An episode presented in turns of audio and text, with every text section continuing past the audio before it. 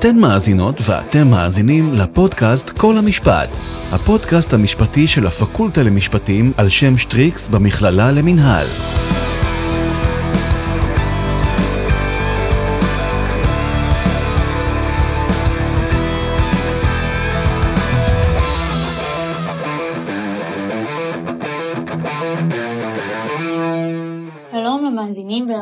שלנו. נעים מאוד, אנחנו אלין שירת מג'ה ומאור קסוטו, והיום אתם מאזינים לפודקאסט המשפטי של הפקולטה למשפטים במכללה למינהל כל המשפט. הפודקאסט שאתם מאזינים לו הוא חלק מסדרת פודקאסטים מיוחדת לכבוד סגירת שנת המשפט 2021, אשר סוקרת את פסקי הדין החשובים, החדשניים והמעניינים ביותר שניתנו בבית המשפט העליון בשנה זו. היום בחרנו להציג בפניכם, המאזינים והמאזינות שלנו, פסק דין מרתק ביותר שניתן על ידי בית המשפט העליון ממש לאחרונה. מדובר בפסק דין תקדימי שההכרעה בו מעלה לא מעט שאלות. אנו ננסה היום להיכנס לעובי הקורה ולצלול לתוך פסק הדין כדי להבין מה בעצם עמד מאחורי ההכרעה הכל כך מורכבת והדקלרטיבית בפסק דין זה. היום אנו נדבר על פסק הדין פלונית, שמספר ההליך שלו הוא 527 על 19, פלוני נגד פלוני. פסק הדין הוא פסק דין מאוד מעניין, מאחר שהוא עסק בשאלה משפטית נוקבת, בדבר קיומה של חובת גילוי משפטי ערב הנישואים בנוגע לנטייה המינית ומידת הדבקות הדתית. כלומר, האם אנחנו כבני זוג, בתוך המערכת היחסים עם בני הזוג שלנו, צריכים בעצם לגלות להם מה מידת הדבקות והאמונה הדתית שלנו, ומה הנטייה המינית שלנו. והאם הסתרה של פרטים שכאלה עולה בכדי תביעה נזיקית ותביעה חוזית. כלומר, האם הימנעות מגילוי כזה בכלל מהווה עילה לתביעת נזיקין? על כן, הנושא שבו נעסוק היום בפודקאסט זה הוא השאלה מה קו הגבול של התחום החוזי-משפטי בתוך חיי המשפחה בכלל ובחיי הנישואים בפרט. בנימה זו נציין כי נושא זה מעט שנוי במחלוקת והוא מעורר לא מעט שאלות נוגבות. על כן, השאלות הן עד כמה והאם בכלל ניתן והאם כדאי בכלל מלכתחילה להכניס את המשפט לתוך חיי הנישואים שלנו. האם זה דבר שהוא נורמטיבי, שהוא לגיטימי, האם יש לתת לזה מקום, ואם כן, מה קו הגבול. כלומר, האם מלכתחילה כדאי להכניס את המשפט לתוך חיי הנישואים שלנו, או שלא. כידוע, בעבר בתי המשפט כבר דנו בשאלה הזאת, וקבעו שמבחינה עקרונית, דיני הנזיקין ודיני החוזים כן חלים במערכות היחסים שבין בני זוג. אך,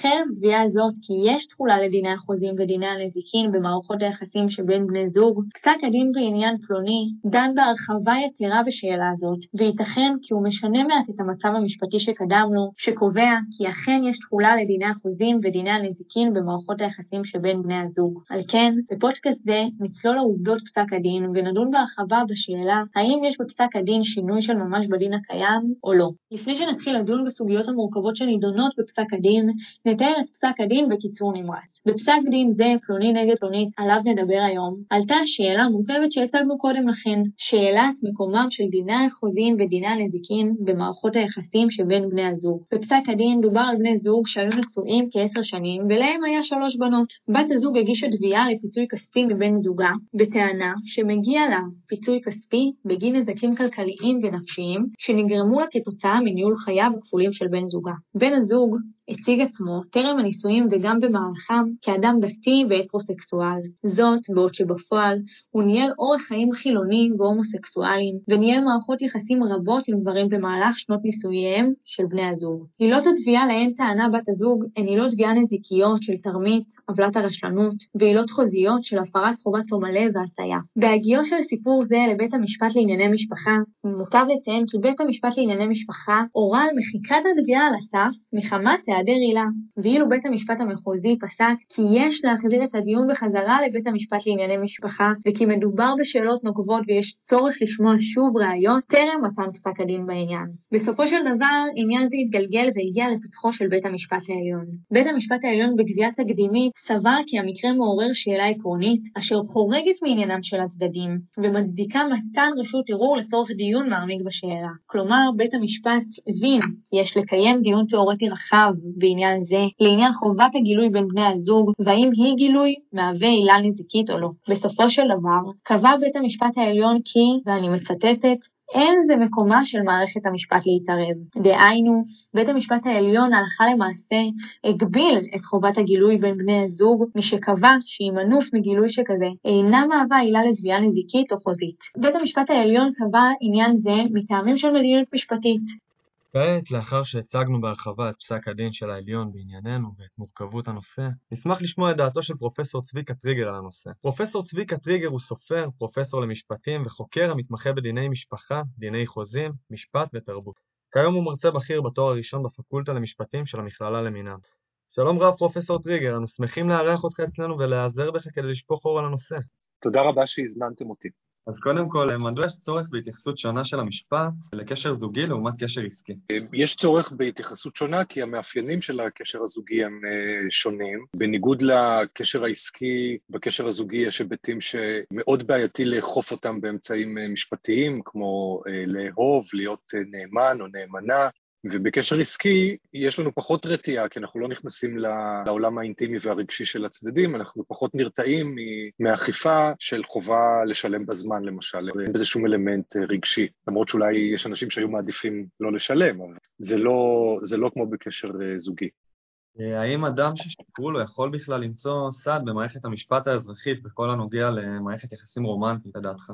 אני רוצה באמת בהקשר הזה להוסיף על השאלה של מאור, אולי לדייק אותה קצת, לאו דווקא אדם ששיקרו לו, אדם שבעצם, כמו במקרה שלנו, התנהלו חיים כפולים, אחרים ממה שהוצג לו, האם גם כשמדובר באמת בפן הרגשי, האם אדם כזה, כמו שמאור אמר, ששיקרו לו, שעונו אותו, שרימו אותו כביכול, יכול באמת למצוא סעד במערכת המשפט בהקשר הזה?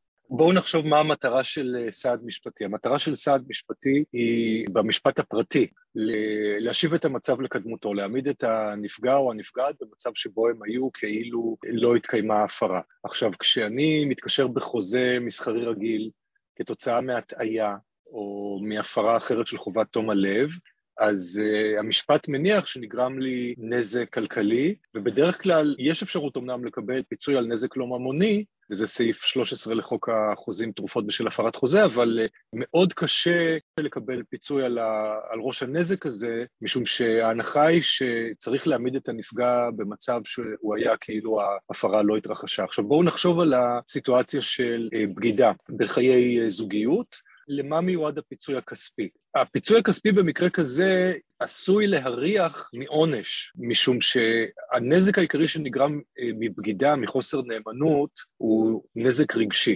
סעדים נפסקים גם כדי להרתיע מפני התנהגויות מסוימות, אבל יש הבדל בין הרתעה מפני הפרת חוזה לבין הרתעה מפני חוסר נאמנות מינית לבן או לבת הזוג. וההבדל הוא שאי אפשר באמצעים משפטיים לעשות רגולציה של רגשות. אי אפשר לומר לבן אדם, אסור לך להתאהב במי שאתה רואה, אסור לך להימשך לאנשים. ברגע שהתחתנת או שאתה בזוגיות אה, מונוגמית, ארוכת שנים, ארוכת טווח, אתה חייב לשלוט בעצמך ולא לא להתאהב. והמשפט החליט משיקולי מדיניות שהוא לא מתערב בדברים שבנפש, משום שהם חלק מה, מהאוטונומיה שלנו, מחופש הפרט שלנו, והם גם לא תמיד עניין של בחירה.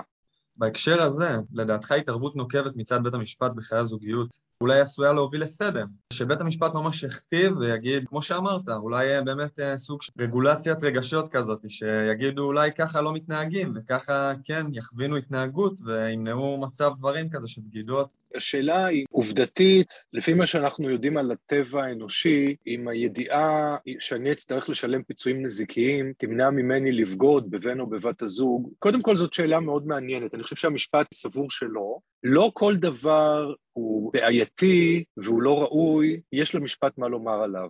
אני חושב שזה באמת מאוד בעייתי לנהל חיים כפולים, זה לא משנה אם, אם זה עם אה, בן זוג מאותו המין או לא. לאורך כל השנים בתי המשפט, כולל בפסק הדין של בית המשפט העליון שבגללו התכנסנו כאן, קבעו שהעובדה שהתנהגות כזאת היא פסולה מבחינה מוסרית, לא הופכת אותה למשהו שלמשפט יש מה לומר עליו. ושוב, אני חושב שאם מסתכלים על זה בפרספקטיבה הרחבה שהזכרתי קודם של דיני החוזים, זה לא דבר חריג ולא דבר ייחודי. יש לנו סעיף בחוק חוזים, תרופות בשל הפרת חוזה, שמקנה פטור מאכיפת חוזה במצבים שבהם החוזה הוא לביצוע עבודה אישית או שירות אישי, זה סעיף 3-2, וזה בהקשר המסחרי. זאת אומרת, אם בהקשר המסחרי, המשפט, בהקשר החוזי הרגיל, הכללי, בין זרים, אם בהקשר הזה המשפט מכיר בכך שיש התנהגויות שאי אפשר לכפות אותן בצו של בית משפט, אז על אחת כמה וכמה שבהקשר הרגשי, האינטימי, הזוגי, צריך להמשיך את הקו הזה. זה לא קו שהוא זר לדיני החוזים.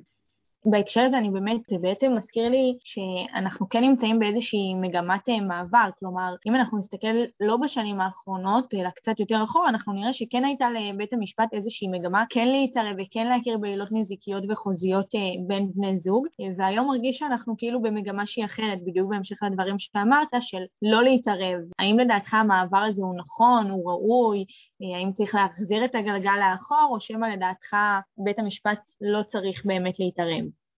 אני חושב שאנחנו לא צריכים לדבר או לחשוב על הסוגיה הזאת כעל או-או. יש אה, היבטים שבהם בית המשפט מתערב, וטוב שהוא מתערב בחיי בני הזוג. בית המרכזי זה כמובן הגירושים. אני כרגע מדבר על המשפט הפרטי. במשפט הפלילי כמובן שיש התערבות. אה, ענישת ילדים, ענישה פיזית היא עבירה פלילית היום, אה, מאז, מאז שהדבר נפסק על ידי בית המשפט העליון בתחילת שנות האלפיים, בסוף שנות התשעים. כמובן בוטל הסעיף שמאפשר לבעל לקיים יחסי מין בכפייה עם אשתו בלי שהדבר ייחשב אונס. זאת אומרת, המשפט כל הזמן מתערב. יש המשפט מייצר חובת מזונות כלפי האישה, כלפי הילדים. זה לא נכון שהמשפט לא מתערב. אה, עוד דוגמה מבחינה נזיקית, אז אה, סרבנות גט יכולה לחשב לעוולה נזיקית. אה, השאלה היא במה מתערבים, לא כן להתערב או לא להתערב בעד או נגד. אז החלוקה המאוד ברורה של בית המשפט, ואני חושב שהוא מאוד עקבי, פסק הדין המחוזי שעליו הוגשה בקשת רשות הערעור, הוא החריג. העמדה המאוד עקבית של בית המשפט כבר עשרות שנים היא שניאוף או בגידה הם לא עוולה נזיקית ואין למשפט מה לומר עליהם. זה הדבר המרכזי. בדברים אחרים בוודאי שבית המשפט מתערב ביחסים בין בני זוג ובין הורים וילדים, וטוב שכך. מה לדעתך צריכים להיות השיקולים שלפיהם אה, בית המשפט צריך להחליט האם להתערב בתביעה בין בני זוג או לא להתערב? אז שיקולים הם אותם שיקולים שאנחנו מדברים עליהם. שיקול אחד, האם, האם מדובר באכיפה של רגשות או באכיפה של uh, חובות של בני הזוג זה לזה או של ההורים כלפי uh, הילדים. אין ולא צריכה להיות חובה משפטית, וזה גם לא הגיוני, שוב, לפי טבע האדם, לאהוב מישהו ולהיות נאמן לו מינית רק כי אנחנו uh, בני זוג. זאת לא התנהגות uh, ראויה אולי מבחינה מוסרית וחברתית uh, לבגוד ולנהל חיים כפולים, אבל שוב, אכיפה משפטית היא מאוד מאוד בעייתית, היא גם לא תוביל למיגור תופעת הבגידות, כי זה משהו שהוא חזק מהשיקולים הכלכליים, יכולים להישקל, כן, עם חבות בפיצויים ודברים מהסוג הזה. בקורס דיני חוזים שלמדנו בשנה א', אה, דיברו איתנו רבות על שאלת המעגל החיצוני ושאלת המעגל הפנימי, אה, בדיני חוזים בכלל ובמשפט האזרחי בפרט. האם תוכל להסביר בקצרה למאזינים ולמאזינות שלנו אה, מהן שאלות המעגלים וכיצד הן קשורות לפסק הדין בענייננו? השאלה המקדמית בדיני החוזים היא האם התחייבות בין צדדים היא התחייבות שהצדדים בחרו שיחולו עליה דיני החוזים של המדינה. יש התחייבויות שאנחנו עדיין חושבים עליהן כעל התחייבויות מחייבות, הבטחות מחייבות, אבל לא בגלל דיני החוזים של המדינה. הדוגמה הקלאסית היא הבטחה בין חברים או בין אה, בני משפחה, ובהרבה מאוד מקרים מתעוררת השאלה מה עושים כשהבטחה מופרת. האם יש עילת תביעה, האם אפשר לגשת עם זה לבית המשפט, והאם בית המשפט ידון בתביעה, או שההבטחה הזאת, בז'רגון המשפטי, היא הבטחה לא שפיטה. שוב, זה לא אומר שהיא לא מחייבת, זה רק אומר שהיא לא מחייבת בגלל דיני החוזים של המדינה, אלא בגלל נורמות אחרות, כמו הבטחות יש לקיים, נורמות משפחתיות, נורמות חברתיות וכדומה. ואפשר לומר שכשבני זוג מתחתנים, או הופכים להיות בני זוג אה, גם בלי נישואים, אה, הופכים להיות ידועים בציבור, אז הם, אה, שוב, זה תלוי גם במערכת ההסכמות ביניהם, אבל אם ההנחה שלהם היא שהקשר ביניהם הוא לא קשר פתוח, אלא קשר מונוגמי, אז ההבטחה להיות נאמן או נאמנה לבן או לבת הזוג, היא הבטחה שלא חלים עליה דיני החוזים של המדינה. זאת אומרת, היא לא חוזה, כאמור, זאת הבטחה שצריך לקיים, אבל לא בגלל המשפט. לפסק הדין הוגשה בקשת הצטרפות מטעם האגודה לשמירת זכויות הפרט כידיד בית המשפט, בטענה שיש להם אה, מומחיות ייחודית בשאלות אה, שעומדות, בשאלות שעומדות על הפרק, וכי הצטרפותם נדרשת אה, לנוכח שאלות הרוחב של פסק הדין. האם לדעתך הצטרפותם להליך הייתה נדרשת כפי שהם טענו? ואם כן, אז כיצד לדעתך הם תרמו לקבלת ההחלטה של בית המשפט? אני חושב שהדיון אה, בשאלת הנטייה המינית, הדיון בשיח הציבורי, הוא עדיין אה, שטחי, וזה משום שהוא אה, בינארי. הוא מתמקד בשני הכתבים של הספקטרום של, של נטיות מיניות אנושיות, ההטרוסקסואלי מצד אחד וה, וההומוסקסואלי מהצד השני, כשבפועל אנשים יש אנשים שנמשכים אה, לשני המינים, יש אנשים שמושא הנטייה המינית משתנה לאורך השנים, זאת אומרת, נמשכים לבין המין הנגדי בהתחלה, ואז אה, פתאום מכירים מישהו מאותו המין ונמשכים אליו, לפעמים זה גם לא שהם אה, הופכים מהטרוסקסואלים להומואים או ללסביות, אלא שזה מישהו ספציפי מאותו המין שמתאהבים בו ונמשכים אליו. זאת אומרת, יש מגוון מאוד מאוד גדול. ואת הפרספקטיבה הזאת, שלא קיימת בשיח הציבורי, והיא גם היא גם לא, היא לא קיימת בתביעה שהאישה והחמות הגישו, האגודה ביקשה להביא בפני בית המשפט, ואני חושב שקראתי את אה, עמדת ידיד בית המשפט, קיבלתי אותה מהאגודה, והיא עושה את זה בצורה מאוד מאוד חשובה, וזה גם מקבל הד וביטוי בדבריה של השופטת אה, וילנר. אז לשאלתך, אני חושב שזה היה מאוד נחוץ, ואני חושב גם שזה מאוד uh, תרם לשופטים בחשיבה שלהם על השאלה של נטייה מינית ושל הסתרה, כי זה שגבר התחתן עם אישה, קיים איתה יחסים, היה נשוי לעשר שנים, הביא איתה לעולם שלוש בנות, זה לא אומר בהכרח שהוא שיקר לה, המיניות האנושית היא מאוד מורכבת, היא על פני ספקטרום, זה גם לא אומר שהוא הומו, הוא מכחיש גם את זה שהוא הומו, והתביעה מנוסחת במונחים בינאריים של או הומו או הטרו.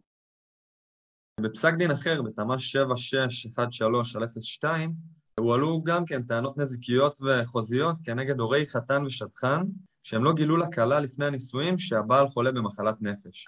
בפסק דין הזה הטענה כן התקבלה בבית המשפט, אז אה, כיצד לדעתך ניתן להסביר את ההבדל בין פסקי הדין, שכן בשניהם דובר על חובת גילוי לפני הנישואים, בית המשפט הגיע לתוצאות שונות? העובדות של המקרים האלה הן אה, עובדות מאוד שונות, קשה להשוות ביניהן. אה, דרך אגב, גם אה, בפסק הדין שאנחנו מדברים עליו, העניין של חובת גילוי כשלעצמו הוא לא נשלל. הוא נשלל בהקשר של נטייה מינית ושל פנטזיות מיניות, משיכה מינית, אבל הוא לא נשלל בהקשרים אחרים. המשפט מכיר בחובות גילוי בין בני זוג בהקשרים מאוד מסוימים, אחד מהם זה למשל הקשר של מחלה נפשית, לא, לא כל מחלה נפשית, פסק הדין שהזכרת הוא פסק דין שעוסק במחלה נפשית שגורמת לגבר להתפרצויות אלימות מאוד קשות שמסכנות את חיי הסביבה, ואכן גם אה, זה קרה, זאת אומרת האישה הותקפה על ידי אה, בעלה בזמן התקף פסיכוטי שהוא, קיבל ונפצעה קשה ונזקקה לאשפוז ממושך ולשיקום. אז אני חושב שבמקרה כזה, אם לא מגלים לבת הזוג מראש שהיא עומדת להתחתן עם אה, גבר שסובל מהדברים האלה ושעלול לסכן את חייה ואת שלומה ואת בטיחותה, זה מקרה שונה לחלוטין מאשר אה, אי גילוי אה, עולם הפנטזיות הפנימי של אדם, ולכן גם במקרה הזה, פסק הדין הזה, האישה קיבלה פיצוי על שני ראשי נזק. האחד, הפרת סעיף 12 לחוק החוזים חלק כללי, הפרת חובת תום הלב במשא ומתן, וזה בגלל אי הגילוי, ואחר, ראש הנזק האחר היה נזיקי בגין הנזקים הגופניים והנפשיים שנגרמו לה כתוצאה מהתקיפה. הפיצוי הנזיקי לא היה על אי הגילוי, הפיצוי הנזיקי היה על הנזקים הגופניים והנפשיים שנגרמו מהתקיפה. בפסק דין אחר אה, מהפסק דין שבענייננו התעוררה שאלה אה, לעניין הגשת תביעה נזיקית שהגיש בעצם בעל נגד גיסו בעילה של רשלנות בשל רומן שהתפתח בין הגיס לבין אשתו של הבעל אה, וטען שבעקבותיו נגרם לו נכות נפשית.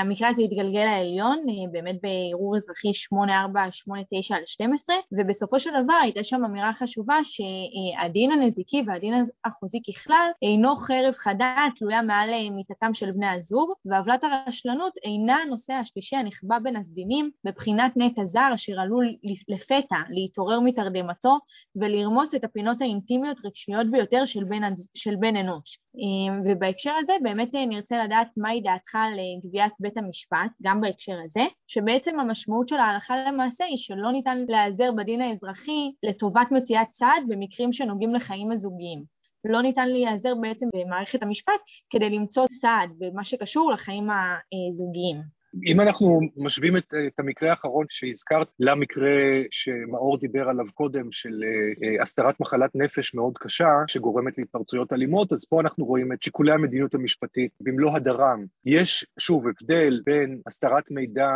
בדבר משהו שיכול אה, לפגוע בשלומו או בחייו של בן הזוג, לבין מידע שקשור לחיי הנפש של בן הזוג המסתיר. המקרה הזה זה מקרה, שוב, של ניאוף, הוא מקרה מתחום הרגש, מתחום חיי המין, המשפט לא יכול וגם, וגם לא מעוניין, וטוב שכך, לאכוף נאמנות מינית בהקשרים האלה. אה, אולי זה המקום לומר, בהקשרים אחרים המשפט, בגלל המונופול הדתי על דיני הגירושים, כן אוכף נאמנות מינית באופן חד צדדי על נשים, וזה באמצעות דיני המזונות והכתובה שנשללים, כתובה והמזונות יכולים להישלל מאישה נשואה שקיימה יחסי מין עם גבר שהוא לא בעלה, אבל בהקשר האזרחי, הנזיקי, זאת לא, אה, זאת לא עוולה נזיקית, משום שלא רצוי לעשות רגולציה של זה. כמובן שגם המקרה שתיארתי של שלילת מזונות וכתובה מאישה נשואה ששכבה עם גבר שהוא לא בעלה, לא רצוי, אבל שם הכנסת החליטה לגבי זה, השופטים והשופטות בבתי המשפט לא יכולים, אה, גם אם הם לא מסכימים עם זה, לא יכולים אה,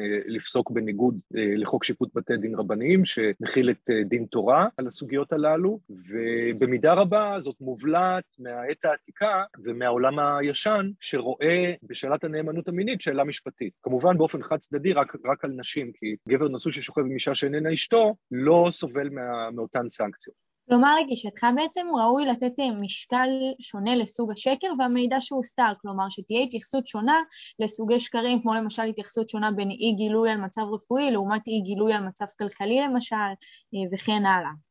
לא הייתי מסכם את זה באמירה כל כך חדה, הייתי אומר ששקרים בנוגע לעולם הפנימי הרגשי הם, הם לא ראויים, אבל הם לא צריכים להיות מוסדרים על ידי המשפט. ודרך אגב, זה לא תמיד שקרים, כמו שהגבר טען בפסק הדין בפרשה שאנחנו מדברים עליה, שהוא אה, ראה את עצמו כהטרוסקסואל לפני הנישואים ובתחילתם. אה, הוא מכחיש שהוא הומוסקסואל, אז שוב, אה, אנחנו לא, לא תמיד מדברים על שקרים, אנחנו הרבה פעמים מדברים על אה, שינוי או תהליכים שאנשים עוברים, ותפיסה שכפי שהאגודה לזכויות הפרט מפרטת בעמדת ידיד בית המשפט שלה, תפיסה דינמית של הזהות שלנו. הזהות שלנו היא לא אה, מקובעת מיום הלידה, היא משתנה עם השנים, המשפט מכיר בזה ולא רואה בזה שקר. קבלת ההחלטה בפסק הדין בעצם מושפעה אה, משיקולי מדיניות, בין היתר כמו השיקול, אה, כמו החשש בעצם מהצפת בתי המשפט בתביעות אה, מסוג זה ושאיפה להימנע מפגיעה בפרטיות. היה שם אמירה מאוד ברורה ונחרצת שאמרו, אנחנו בעצם לא רוצים שכל מי שיפגדו בו ויהיה לו בעיות רגשיות ברמה הזוגית יעלה לבית המשפט, בית המשפט זה לא מקום לרפא שברונות לב. אז עד כמה לדעתך שיקולי המדיניות הללו של הצפת בתי המשפט למשל, בין היתר היתר הם שיקולים לגיטימיים כאשר בית המשפט דן בסוגיה רגישה מעין זו בעצם. תראו, בואו ניקח לא דוגמה של בגידה, זאת שאלה מצוינת. דוגמה שקיימת לא מעט, והיא שינוי ברגשות כלפי בן או בת הזוג לאורך שנים, כן? זוג שמתחתן, אהבה מאוד מאוד גדולה, מבטיחים זה לזה לאהוב עד, עד המוות, עד הקבר, עד שימותו בשיבה טובה, אבל לפעמים השחיקה של חיי הנישואים, ילדים קטנים, קשיים כלכליים, או אפילו שום דבר אחר, פשוט חלוף הזמן, מביאים לכך שנגמרה אהבה. אז האם אני שיקרתי אמרתי כשהבטחתי לבן זוגי או לבת זוגי שאני אוהב אותם לנצח. אפילו במקרה הספציפי הזה, אם אנחנו פותחים את שערי בית המשפט לסוג כזה של טענות של שיקרתי לגבי מה אני חושב, סליחה, לגבי מהות היחסים, כן, אז מה ימנע בעוד 15 שנה אם אני אמרתי לאשתי לפני שהתחתנו, ש... או לבעלי לפני שהתחתנו, שאני אוהב אותם לנצח, מה ימנע מהם כשאנחנו נסתכסך להוסיף על כל הטענות בתביעת הגירושים גם את הסעיף של הונאה. הוא הבטיח לי שהוא יאהב אותי לנצח ועכשיו הוא אומר לי שהוא לא אוהב אותי. זה הרי יקרה ברגע שדבר כזה, ואנחנו, לא היה שום, שום דבר דרמטי, לא, הייתה, לא היו חיים כפולים, לא הייתה בגידה.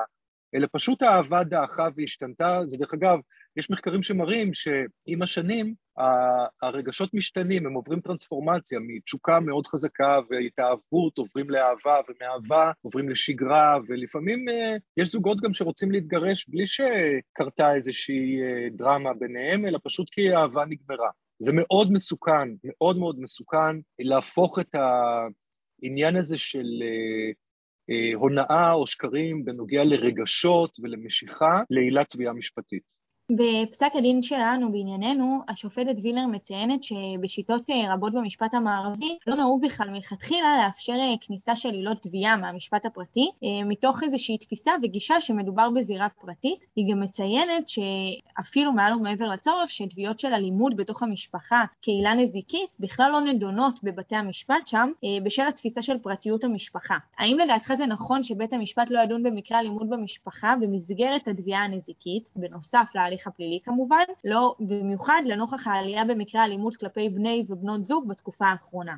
אני חושב בכל הכבוד שהחלק הזה של פסק הדין הוא מאוד מאוד בעייתי ברמה העובדתית. אם ממשיכים לקרוא, אז uh, בפסקאות הבאות, לאחר שהשופטת וילנר מציגה את מה שתיארת, היא uh, כותבת שזאת uh, גישה שיש uh, הרבה ביקורת עליה, במידה רבה גם עבד עליה קלח. זאת אומרת, האמירה הזאת היא אמירה היסטורית, היא כבר לא נכונה. ברוב שיטות המשפט המערבי לא נכונה שהמשפט לא מתערב, גם לא המשפט הפרטי. דוגמה מאוד מאוד מפורסמת, אפילו הייתי אומר מהמשפט הישראלי, דווקא להתערבות בחיי הרגש, היא פסק דין של שופטת בית המשפט המחוזי המנוחה הניה שטיין, מסוף שנות התשעים, שגם אושר על ידי בית המשפט המשפט העליון בפרשת אמין נגד אמין, ששם נקבע פיצוי נזיקי לילדים שאביהם נטש אותם והתכחש להם. והשופטת קובעת, שוב, זה אושר על ידי בית המשפט העליון, אי אפשר לכפות על הורה לאהוב את ילדיו באמצעות דיני הנזיקין, אבל מינימום של התעניינות בגורלם, הוא לא צריך לאהוב אותם,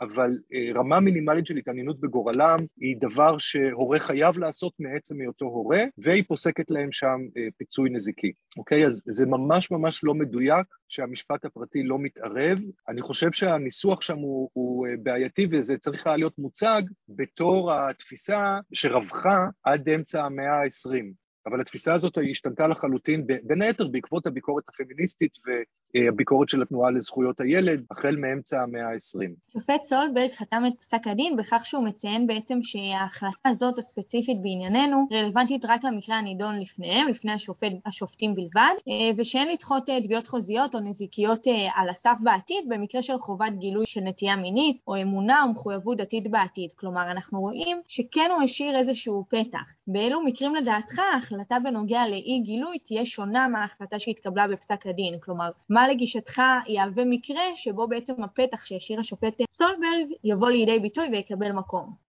זאת אה, עמדתו של השופט סולברג, אני לא מסכים איתה ולכן אני לא יכול להסביר לשיטתו מה מצדיק, כי אני לא חושב שדברים שקשורים לנטייה מינית או לאמונה דתית הם מהסוג שמאפשר, אני חושב שמה שמאפשר את הדבר הזה זה אותו מקרה של מחלת נפש, כן, שמסכנת את, את חיי בן או בת הזוג, ואם יהיו להם ילדים, את הילדים. אבל uh, אמונה דתית, אה, משיכה מינית הם דברים שהם דינמיים ומשתנים עם השנים. לפעמים, אנשים הופכים להיות יותר אדוקים בדתם, הופכים להיות פחות אדוקים בדתם, חוזרים בשאלה, אה, יוצאים בשאלה, חוזרים בתשובה, אי אפשר, אי אפשר לקבע אדם לזהות אה, דתית או זהות מינית בנקודה מסוימת בזמן ולדרוש ממנו להיות כזה לכל אורך אה, חייו, לכל שארית חייו. אני מנסה לחשוב, אולי מקרה מאוד מאוד קיצוני של אה, התחזות פרופר, כן? אדם חילוני שמדביק לעצמו זקן, לובש אה, בגדים אה, שבאופן מסורתי בגדים של אנשים חרדים,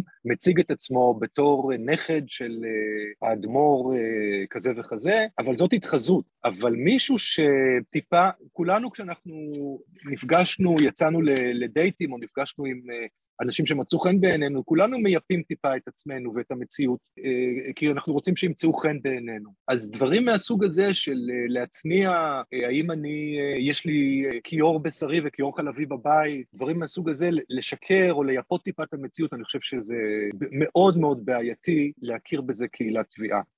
כלומר, לדעתך, אם כבר הפסיקה תשתנה בעתיד, כלומר, אם, אם אנחנו נחזור אחורה בגישה למצב דברים בו בית המשפט כן מתערב בחובת גילוי בין בני הזוג, זה רק באמת במקרה שיהיה מדובר באיזושהי חובת גילוי של מקרה דרסטי, כלומר, שלא גילו משהו שהוא מאוד מאוד מהותי, ולאו דווקא משהו שהוא בפן הרגשי, או כמו שאתה אומר, אמונה דתית, ואם יש שני כיורים או לא, ואם אני מתפללת פעמיים ביום או לא, זה למשל לא ייכנס בגדר המקרים האלה. כן, כן. צריך לזכור עוד פעם שהתפיסה הציבורית בנוגע לנטייה מינית היא תפיסה מאוד רדודה וקלישאתית, ויש מקרים לא מעטים, למשל של גבר ש...